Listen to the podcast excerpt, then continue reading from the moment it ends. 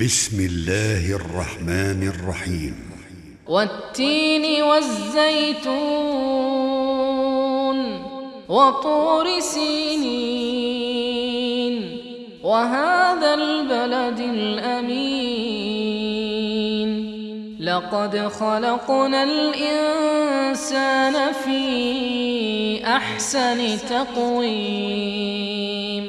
ثم رددناه أسفل سافلين إلا الذين آمنوا وعملوا الصالحات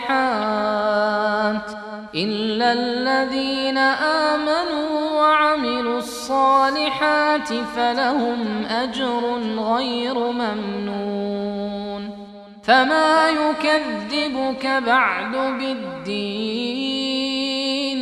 أليس الله بأحكم الحاكمين؟